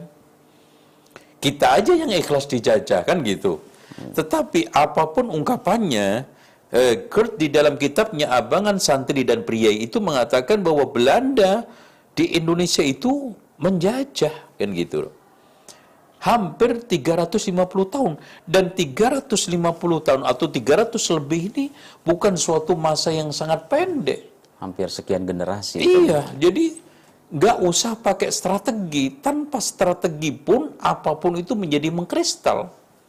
Itu 350 hmm. tahun coba iya. kita mundar mandir ngaji. Lama-lama juga kita akan kena kajian itu kan. Iya.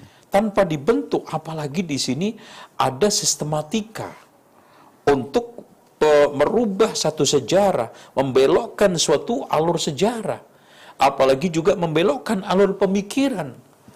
Makanya kita tidak lagi menemukan satu data-data yang akurat kan. Sekarang ini bagaimana sih sebetulnya peran Demak, e, Bintoro, terus kemudian Sabrang Lor yang Patiunus hmm. dengan Malaka. Dan kita kita kehilangan data yang sangat e, lengkap sekarang kan gitu. Sekarang kenapa subhanallah ya, kesalahan yang terang benderang dibenarkan oleh para tokoh bahkan dimasukkan dalam buku pelajaran di mana Islam masuk Indonesia itu abad 13 coba kan? Itu. E, bahkan kalau kita lihat kelenteng Sampokong itu kan berubah-ubah berapa kali. Bahkan pernah dikuasai oleh Yahudi yang namanya Yohanes itu kan gitu. Dari sini peran e, negatif dari imperialisme itu ada. Baik itu membelokkan sejarah, membelokkan pemikiran, dan juga mengondisikan bagaimana Islam itu yang cocok dengan imperialisme. Gitu, hmm. kan gitu. Itu sudah terkondisikan. Dan Islam-Islam yang tidak cocok itu diasosiasi. Nggak bisa diasosiasi, nah di bumi hanguskan. Tapi awalnya dengan cara dibunuh, dijerat, dipenggal, tapi yang keduanya apa? Di politik belah bambu. Hmm. Dipasung Udah, juga dibikin mereka tengkar aja sendiri. Iya. Itu. Belanda menikmati hasil pertengkaran itu. Inilah yang sekarang membuat kedodoran umat Islam sampai sekarang, ya. Diadu-adu ya antara kelompok satu dengan yang lainnya, antara sekte satu dengan yang lainnya. Kalau tidak bisa pakai agama, pakai etnis, nggak bisa uh, suku, pakai segalanya. Yang penting mereka itu jangan sampai kokoh kuat sehingga akan menjadi suatu kekuatan yang menakutkan. Apalagi Barat sudah sepakat bahwa selagi Al-Quran itu di tangan kaum muslimin, maka Barat tidak akan pernah bisa menaklukkan kaum muslimin. Makanya Zwimmer, tokoh orientalis dan juga misionaris, eh, kawakan pada saat itu dia sangat eh, menekankan kita sekarang ini usaha utama bukan mengeluarkan umat Islam dari Islam untuk menjadi Kristen. Itu nggak penting. Tetapi yang penting bagaimana menjadikan generasi ini tidak punya hubungan dengan agama, Allah dan Tuhannya. Sehingga pada saat itu mudah kita setir. Wallahu a'lam. Dan kembali lagi tadi Ustaz kepada konsep abangan. Anda sendiri penasaran kenapa disebut abangan. Ustaz sebagai orang Jawa tentu sangat paham gitu ya. Eh, apa arti abangan dan apa eh, filosofinya Ustaz? Iya, ini ada dua segala sesuatu ini selalu bisa diotak-atik ya. Ada yang mengatakan abangan itu berasal dari bahasa Arab. Lawannya adalah mutiah. Itu aba'ah dari kata iba. Aba wastagbaro, yaitu membangkang. Makanya kelompok-kelompok yang membangkang itu namanya aba'ah, kemudian di dalam lidah Jawa menjadi abangan. Nah, kelompok yang taat itu namanya mutiah kan gitu dari kalimat ta'ah. Kemudian dalam bahasa lidah Jawa itu jadi mutiah, eh, mutihan, putihan kan gitu. Abang putih kan gitu. Kenapa kok jadi abang putih, ya, merah putih? Padahal ini bendera. Kemudian disatukan menjadi satu warna bendera. Nah, kalau versi Jawa, abang itu dari kalimat merah. Nggak tahu filosofinya kenapa Siti Jenar itu dikatakan seh lemah bang. Lemah itu tanah, bang brit itu abang. Tapi dalam satu sisi, sisi dikatakan seh Siti Jenar. Siti itu tanah, Jenar itu kuning. Yang ada daerah beberapa tempat di di Jawa ini. Nah, eh, kenapa dikesankan merah sama kuning? Tidak tidak hijau kan gitu kan gitu. Nah ini eh, sampai sekarang ini masih misterius. Belum ada yang mengungkap kenapa. Tapi intinya eh, apa namanya kalau kita eh, pahami secara filosofis intinya abangan itu kelompok yang kurang setia atau bahkan tidak setia kepada Islam. Lebih mendekati daripada abaah yaitu aba wastagbaro dari kalimat yang diambil dari firman Allah eh, tentang mengomentari iblis aba wastagbaro wa kana minal kafirin. Lawannya adalah muti'ah ya yaitu mutian yang di sana ketika itu didominasi oleh kelompok-kelompok dari mulai Sunan Ampel, Sunan Giri, Sunan Bonang ini mutiah. Bahkan saya tidak terima kalau Sunan Bonang itu dikelompokkan abangan dengan dalil kitab Fat, eh, Headbook Van Bonangnya ya. Ah, Nah, ada pun yang dikelompokkan abangan itu adalah seperti Ki Ageng Rang, Ki Ageng Butuh, Ki Ageng Selok, Ki Ageng Pamanahan, Joko Tingkir, Kebu Kenongo dan yang lainnya ini dikelompokkan pada abaah oleh atau abangan oleh mereka-mereka yang mengklasifikasi antara mutiah dengan abangan ini. Wallahu a'lam. Baik dan selanjutnya saya Siti Jenar ini kan sebagai sosok eh, apa eh, pemikir cendikiawan pada Iya. zamannya. Tentu eh, pemikiran ini kan eh, akan apa diteruskan oleh para pengikutnya. Nah, apa dampaknya sampai yang bisa dirasakan Ustaz dari dampak apa hasil pemikirannya beliau tentang eh, tadi eh, Manunggaling Kaula Gusti ini di zaman saat ini gitu Ustaz. Iya, memang kita sekarang ini mendapati satu gerakan Siti Jenar cukup masif.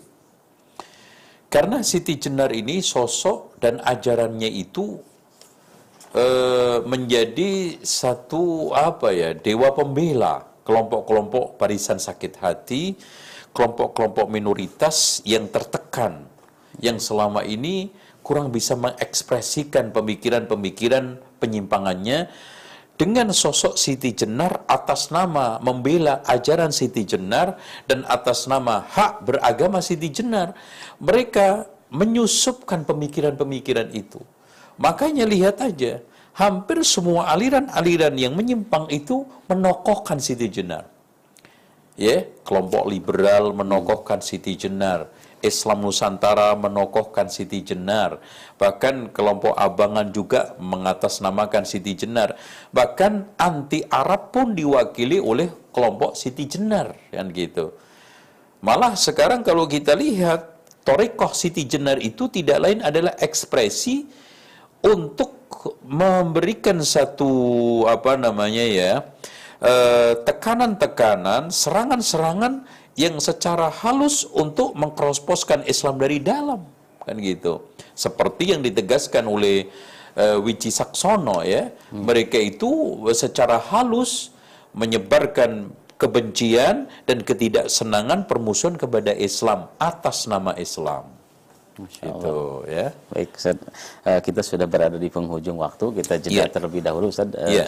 Nanti kita setelah jeda akan membuka sesi eh, soal jawab. Baik pemirsa sekalian, pemirsa IHBS TV yang dirahmati Allah Subhanahu wa taala, kita sudah berada di penghujung waktu. Ada jeda nanti pemirsa sekalian bisa untuk berinteraksi dengan kami di layanan nomor 08118033 Baik pemirsa sekalian, kita jeda terlebih dahulu.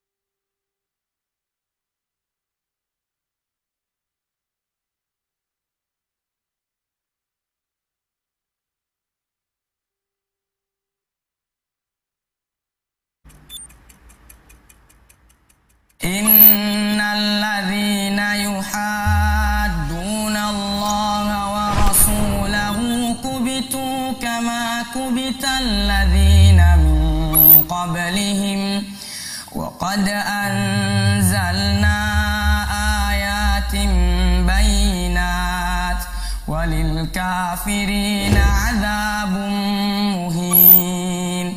يوم يبعثهم الله جميعا فينبئهم بما عملوا. أحصاه الله ونصوه والله على كل شيء شهيد.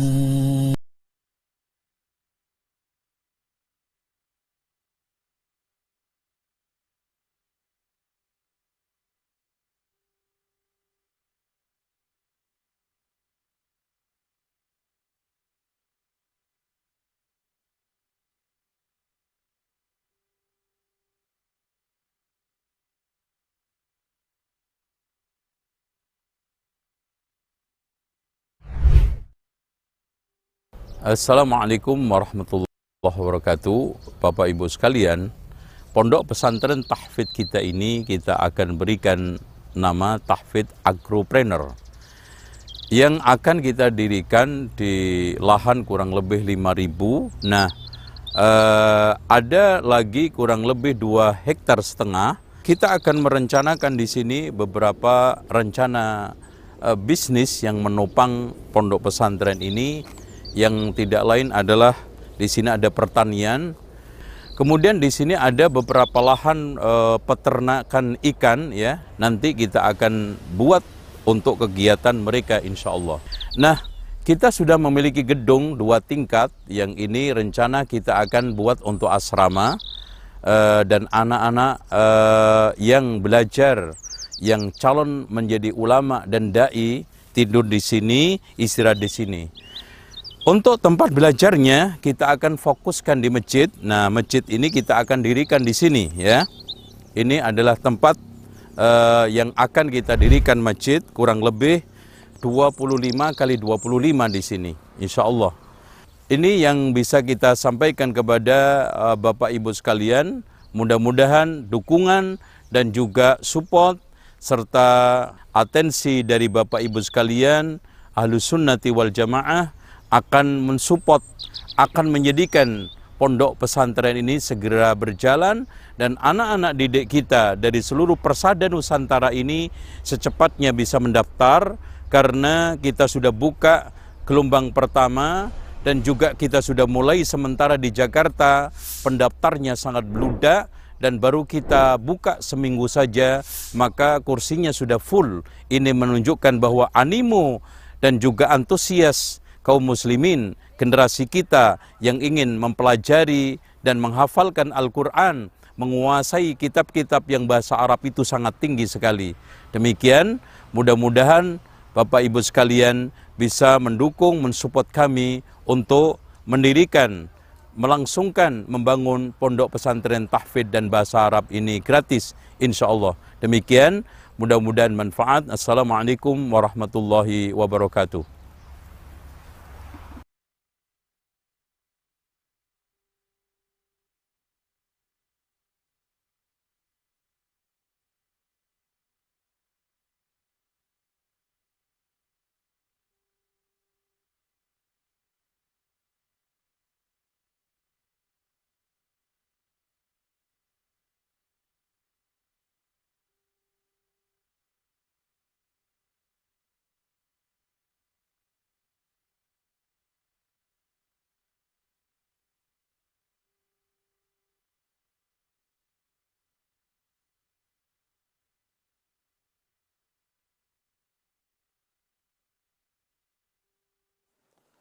Baik pemirsa sekalian, kami kembali lagi menjumpai Anda dan kami ucapkan terima kasih bagi Anda sekalian, pemirsa IHBS TV di mana pun Anda berada yang masih setia mengikuti acara kami.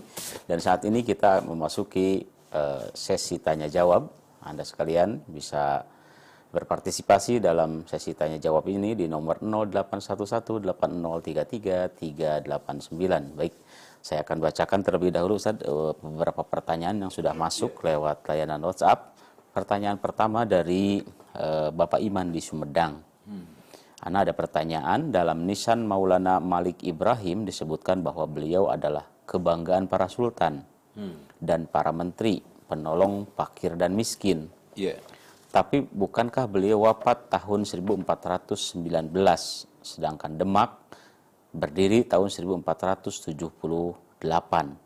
Jadi siapakah yang dimaksud para sultan tersebut? Gitu, Iya, memang uh, saya dari penelitian yang saya lakukan uh, ke sana, jadi Nisan itu cukup menarik. Uh, bentuk khotnya adalah khot kufi. Yang Nisan ini ada juga di uh, Malaka, di Malaysia. Satu jenis khotnya. Ya, gitu, uh, dan uh, ternyata juga uh, batu seperti ini pernah saya lihat di Museum Haram Mekah. Dan tahunnya itu hampir berdekatan. Ini menunjukkan bahwa pengaruh budaya Arab kalau kita nanti bahas itu sangat kentara sekali. Nah, yang menarik di situ tulisan bahasa Arab yang cukup uh, panjang ada pertama surat Al-Baqarah, kemudian surat Ali Imran, kemudian surat Al-Rahman ditulis. Nah, ini adalah makam seorang yang diharapkan mendapat pengampunan Allah dan yang memohon rahmat Tuhannya, guru para pangeran. Karena begini, jadi Syekh Maulana Malik Ibrahim ini dai yang diutus oleh e, negara langsung gitu ya.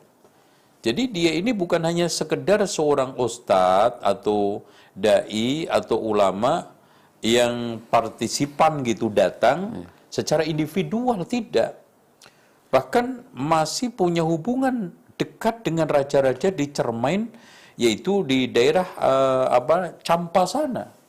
Bahkan ada yang mengatakan dia itu ditunjuk langsung oleh sultan dari apa namanya Turki. Kan gitu. Dengan demikian di sini itu juga menjadi uh, rujukan para pangeran. Malah Mojopahit ketika itu menyerahkan tanah Leran, Gresik, sekitarnya itu di bawah uh, naungan dan juga pengelolaannya Syekh Maulana Malik Ibrahim. Itu satu. Bahkan dikatakan sandaran para sultan. Hmm. Jadi meskipun beliau itu Islam, sultan-sultan ini banyak Buddha Hindu, tetapi beliau ini seorang yang sangat bijaksana, ya. Konsultan lah sekarang itu ya sehingga dalam hal-hal kenegaraan, perpolitikan, dan masalah-masalah hidup secara umum itu, eh, para sultan ini konsultasi ke mereka, ke beliau. Jadi subhanallah, makanya saya katakan bahwa Syekh Maulana Malik Ibrahim ini adalah kalau seandainya bukan ulama besar, minimal bukan orang biasa. Gitu ya. Dan pe- apa namanya menteri serta siraman para kaum fakir miskin subhanallah ke atas dapat ke bawah juga dapat. Yang berbahagia lagi syahid cemerlangnya simbol negara dan agama Malik Ibrahim. Semoga Allah melimpahkan rahmat dan keridoannya kepada arwah beliau dan semoga arwah beliau diterima di surga. Ini, di- ini juga menunjukkan bahwa bagaimana beliau juga berhati-hati. Nggak ada almarhum almarhumah jadi semoga ya. Karena di situ rahimahullah kan gitu. Nah, telah wafat pada hari Senin tanggal 12 Rabiul Awal. Masya Allah kebetulan banget kan gitu. Hari Senin tanggal 12 Rabiul Awal tahun 822 Hijriah. Itu atau eh, tahun Masehinya tahun 1419 eh, Masehi. Nah, ini eh, kenapa beliau itu di- disebutkan seperti itu karena memang beliau itu utusan ya, duta besar ya. Mereka mewakili negara Islam. Kalau tidak dari Turki minimal itu Campa, apalagi ketika itu Mojopahit dengan Malaka Campa itu memiliki hubungan bisnis, politik dan ekonomi yang cukup kuat sehingga eh, Syekh Maulana Malik Ibrahim keberadaan di sini bukan hanya sekedar sosok seorang dai tapi duta dan juga sekaligus orang bijak orang yang dianggap bisa menyelesaikan masalah-masalah sosial, politik dan juga ekonomi. Makanya menjadi eh, apa namanya sandaran ya, menjadi tempat untuk curhat ya, untuk konsultasi pangeran, sultan, menteri, raja. Dan yang menarik adalah dia juga dijuluki kakek bantal karena memang dia itu menjadi sandaran kaum fakir miskin. Wallahu a'lam bishawab. Jadi Syekh Maulana Malik Ibrahim ini kan eh, hidup eh, sebelum eh, kerajaan Demak berdiri Ustaz ya. Iya. Masih di zaman Majapahit. Masih Ustaz. Majapahit. Namun beliau sudah dituliskan di apa namanya? di nisannya sandaran para sultan gitu Ustaz. Iya, uh-uh. Iya. karena pem- permasalahannya juga ketika itu Mojopahit eh, habis perang Paregrek ya. Dan juga banyak pejabat-pejabat Mojopahit yang sudah masuk Islam. Dalilnya di Trawulan eh, kuburan Troloyo di sana ada pekuburan kaum muslimin yang mengenakan simbol-simbol kerajaan Mojopahit tapi di sana ada tulisan-tulisan Arab bahkan Al-Qur'an yang di situ kalau kita baca sang sekertanya menunjukkan tahun antara abad 12 13. Jadi pejabat-pejabat kerajaan Mojopahit itu banyak yang muslim itu sudah sejak lama. sejak zamannya Hayam Wuruk sama Patih Gajah Mada. Dengan demikian sangat layaklah di sana eh, bagaimana Syekh Maulana Malik Ibrahim itu akhirnya dijadikan konsultannya dijadikan sebagai tempat untuk eh, apa eh, meminta pertimbangan-pertimbangan, masukan-masukan baik kaitannya dengan politik, ekonomi dan juga kekuasaan dan yang tidak kalah penting adalah masalah-masalah sosial. Wallahu a'lam. Dan selanjutnya penyebutan kata sultan itu ternyata eh, apa mendahului sebelum berdirinya kerajaan Demak itu sendiri dan Iya. di selanjutnya Iya. eh, ada masih lanjutan dari Bapak Iman di Sumedang di buku Misteri Sesi Jenar karya Prof Hasanus Simon menyebutkan bahwa gelar sultan pertama kali disematkan itu eh, kepada eh, Sultan Trenggono Ustaz. pada halaman buku halaman 255 ini disebutkan Iya. halamannya juga itu. Iya, memang betul. Jadi selama ini eh, eh, apa namanya eh, Raden Patah itu belum dijuluki eh, Sultan, masih Raden. Eh, Pangeran Sabranglor yang tidak lain adalah Muhammad Yunus itu juga masih dijuluki Pangeran. Nah, Trenggono inilah memang mulai dijuluki Sultan dari Mekah. Pokoknya tidak ada sosok yang diberikan gelar Sultan kecuali eh, mendapatkan semacam legitimasi dari Mekah. Gitu. Dan itu semua dilakukan oleh raja-raja seluruh dunia. Kenapa? Karena raja mana saja, khalifah mana saja, pemimpin mana saja yang mendapatkan legitimasi dari Mekah, maka akan mendapatkan aura spiritual, kekuatan di tengah umat.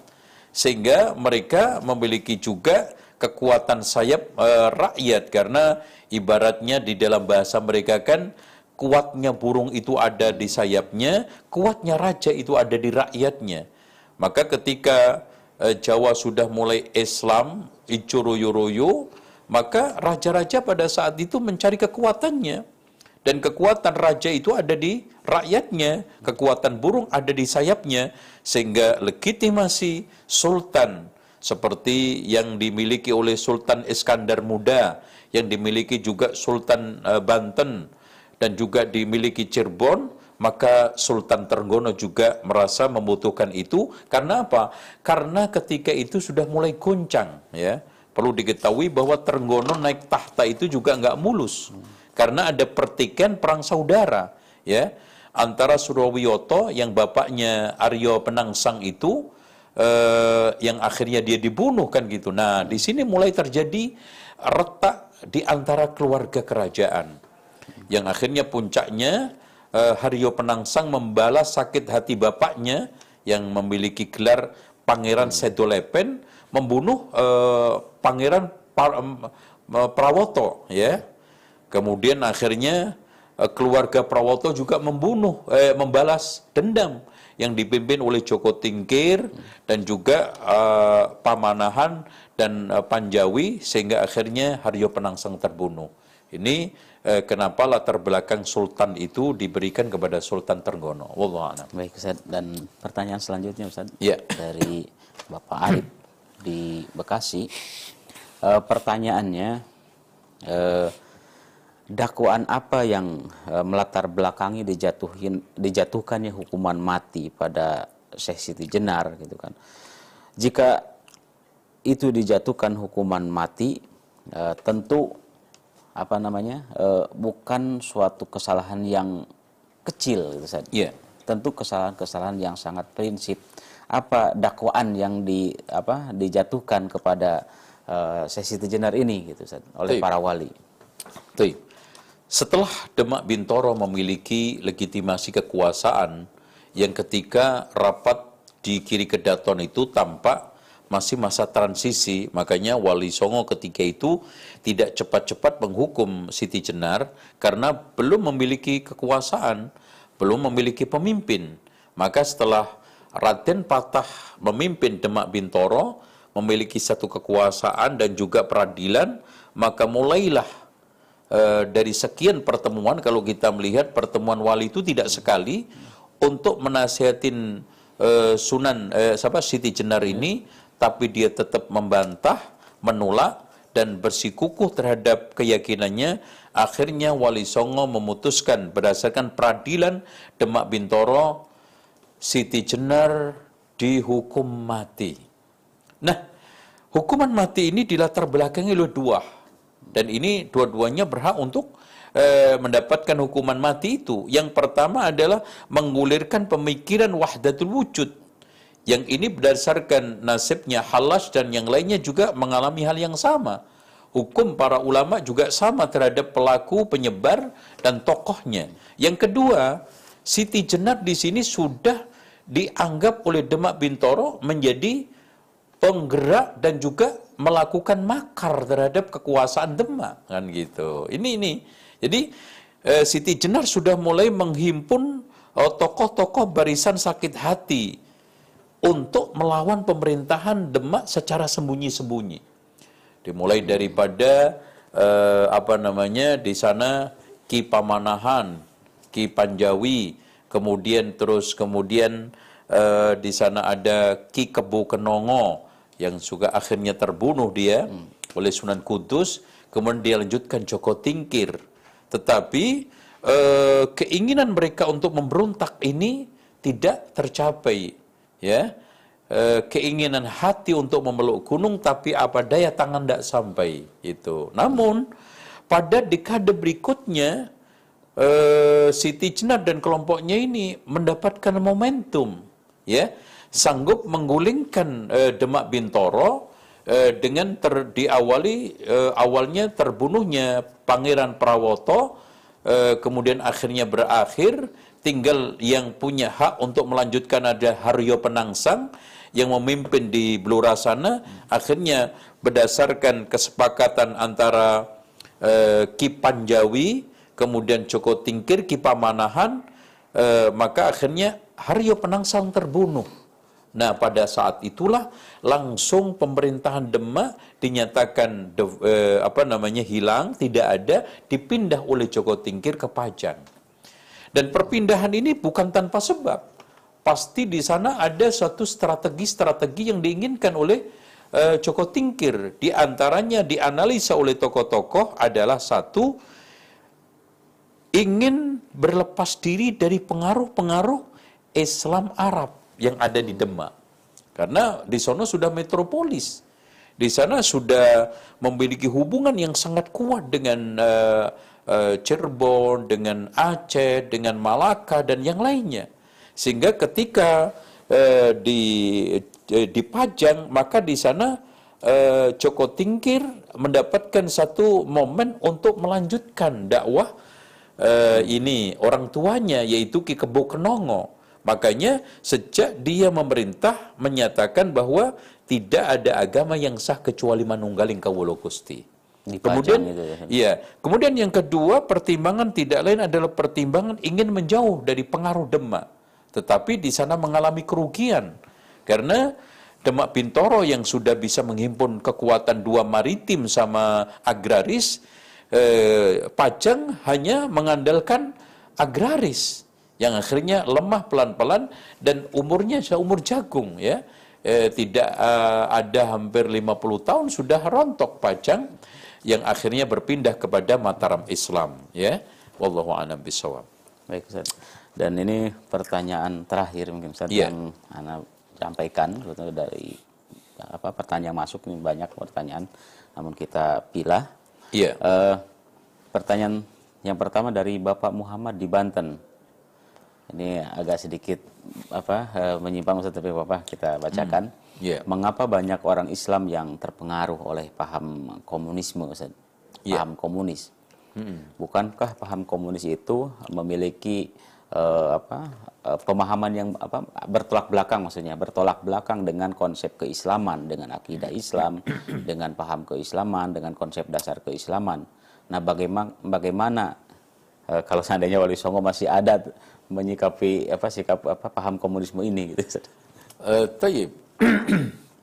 kalau kita disuruh mengandai apa sikap Wali Songo kalau seandainya paham komunis ini hidup di tengah mereka, maka mereka-mereka akan lebih tegas, akan lebih keras hukumannya ketimbang Siti Jenar. Karena apa? Karena Siti Jenar masih mengakui adanya Tuhan, tapi Tuhannya berpindah kepada dirinya. Tapi ini nggak mengakui adanya Tuhan. Walaupun sama-sama ada ekstremismenya. Ya. Kalau kita apa namanya menggali e, benar bagaimana pemikiran-pemikiran ekstrim yang dibawa oleh murid-muridnya e, Syekh Siti Jenar itu sangat tampak sekali. Nah, e, Perlu diketahui memang komunis itu laku di Indonesia dikarenakan beberapa subhat. Eh, setelah Indonesia mengalami keterpurukan dan juga penjajahan yang cukup pahit dan lama, maka anak-anak bangsa yang ingin cepat untuk memerdekakan keluar dari keterpurukan ini mencoba untuk melakukan langkah-langkah mencari, menerka-nerka pemikiran apa yang paling pas untuk mengentaskan keterpurukan dan juga kehinaan ini. Ya. Bahkan munculnya eh, siapa Cokro Aminoto yang hmm. dinobatkan menjadi ratu adil. Hmm Diponegoro juga mengaku Ratu Adil, ini semuanya sebetulnya ekspresi keinginan mereka ingin cepat keluar daripada kehinaan, keterpurukan, dan penderitaan yang lama dari penjajahan tersebut. Nah, akhirnya muncullah berjuang untuk kebangsaan. Semuanya konsepnya adalah konsep kebangsaan. Nah, secara umum perjuangan kebangsaan untuk melahirkan Indonesia, putra-putra Indonesia itu terbelah menjadi tiga kelompok. Ya, kelompok yang pertama adalah kelompok pro agama.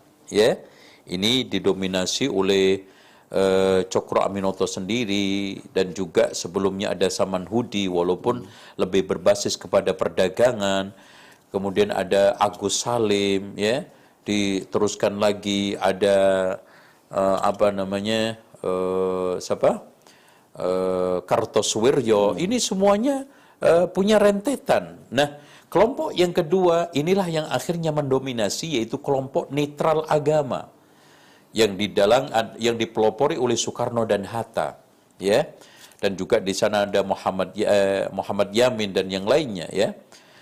Dan inilah yang akhirnya melahirkan kemerdekaan yang memproklamirkan uh, Indonesia yang dibacakan langsung oleh Soekarno. Nah, ada satu kelompok lagi menganggap yang lebih represif, yang lebih cepat revolusioner adalah komunis. Nah, di sini kebangsaan anti agama. Nah, ini. Dan tampaknya tiga kelompok ini sampai detik ini itu masih bersaing secara pemikiran. Makanya kalau seandainya ada tokoh yang mengatakan disusupin PKI, komunis dan yang lainnya, itu bukan ada orang-orangnya secara nyata. Pemikiran-pemikiran itu sudah nyusup ke sana, itu maksudnya. Karena PKI sudah nggak ada. Partai Komunis Indonesia itu sudah nggak ada. Tapi, tapi pemikiran ini terus. Dan di sana ada semacam persaingan, kadang sehat, kadang lebih tidak sehatnya. gitu. Tapi intinya kita harus mengakui keberadaan bahwa putra-putra bangsa ya mereka-mereka tokoh-tokoh berlian dari kalangan bangsa Indonesia itu sebelum Indonesia itu lahir muncul tiga kelompok besar. Kelompok yang pro agama kelompok netral agama nah kelompok anti agama sehingga dari sinilah e, mencoba untuk memperjuangkan juga awalnya. Bahkan di antara mereka ada yang mencoba untuk mengislamisasikan komunis, coba bayangkan. Ya kan gitu. Di Sumatera ada Haji Batuto ya, ya. Batu apa? Batuah ya. Betul. Haji Batuah ini kan sebetulnya awal dulu teman perjuangannya Haji Rasul kan gitu. Bagaimana dia itu bisa menjadi komunis? Bahkan dia mengatakan komunis Islami kan gitu. Di Jawa juga ada yang mengislamisasikan komunis, komunis islami. Bahkan ketika menyampaikan pemikiran-pemikiran komunis itu pakai Quran hadis, yaitu Kiai Haji Misbah. Bahkan Kiai Haji. Ini, menunjuk, ini, ini semuanya memberikan satu isyarat. Awalnya mereka itu punya niat baik. Ingin cepat untuk memerdekakan Indonesia, ingin mengentaskan kemiskinan, keterpurukan, dan penderitaan bangsa Indonesia dari penjajah, Cuman mereka melakukan langkah-langkah yang akhirnya dikoreksi oleh sejarah. Itu aja. Allah a'lam. Baik, saya sangat menarik. Namun kita yeah. dibatasi oleh durasi. Insya Allah sesi ini mungkin kali kita akan apa dilanjutkan uh, pembicaraan ini pada sesi-sesi selanjutnya.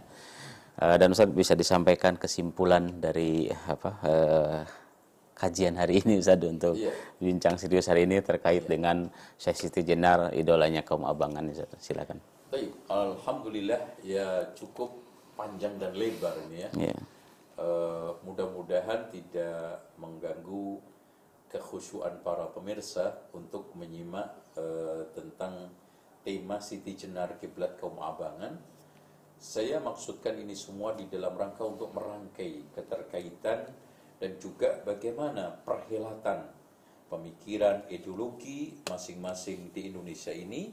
Dan kita semuanya nanti judulnya terakhir adalah fastabiqul khairat dan juga kita sekarang bisa nggak istiqomah dan apa yang dikatakan oleh Haji Ahmad Dahlan Allah menjamin Islam tidak akan hilang dari bumi ini. Tapi Allah tidak pernah menjamin Islam tidak hilang dari bumi Indonesia ini Makanya maksud tujuan kita agar kita punya perhatian juang, perhatian pengorbanan demi kejayaan Islam dan kaum muslimin di Indonesia untuk mempertahankan uh, kiprah dakwah para wali songo yang sudah dirintis jauh 500 tahun yang lalu di antaranya oleh Syekh Maulana Malik Ibrahim, Sunan Ampel dan Sunan Giri dan terutama di dalam bidang keilmuannya adalah Sunan Bonang.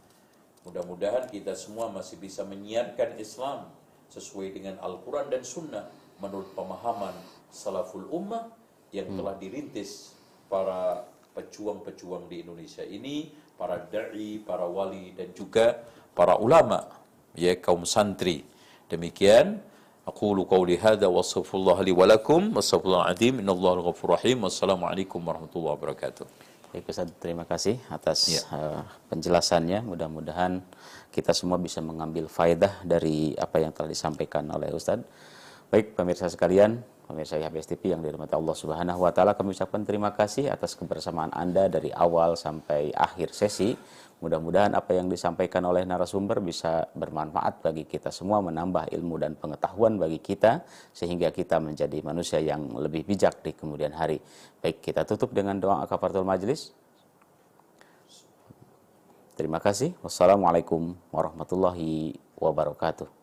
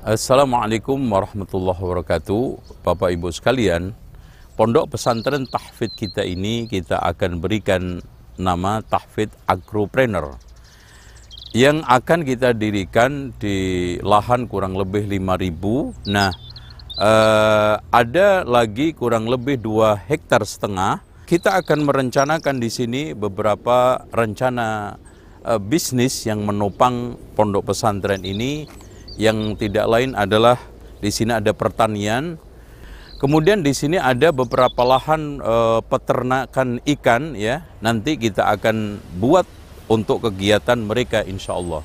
Nah, kita sudah memiliki gedung dua tingkat yang ini rencana kita akan buat untuk asrama eh, dan anak-anak eh, yang belajar yang calon menjadi ulama dan dai tidur di sini, istirahat di sini. Untuk tempat belajarnya kita akan fokuskan di masjid. Nah, masjid ini kita akan dirikan di sini ya. Ini adalah tempat eh, yang akan kita dirikan masjid kurang lebih 25 kali 25 di sini insya Allah. Ini yang bisa kita sampaikan kepada eh, Bapak Ibu sekalian. Mudah-mudahan dukungan dan juga support serta atensi dari Bapak Ibu sekalian Ahlus Sunnati wal Jamaah akan mensupport, akan menjadikan pondok pesantren ini segera berjalan dan anak-anak didik kita dari seluruh persada Nusantara ini secepatnya bisa mendaftar karena kita sudah buka gelombang pertama dan juga kita sudah mulai sementara di Jakarta. Pendaftarnya sangat beludak dan baru kita buka seminggu saja maka kursinya sudah full. Ini menunjukkan bahwa animo dan juga antusias kaum muslimin, generasi kita yang ingin mempelajari dan menghafalkan Al-Quran, menguasai kitab-kitab yang bahasa Arab itu sangat tinggi sekali.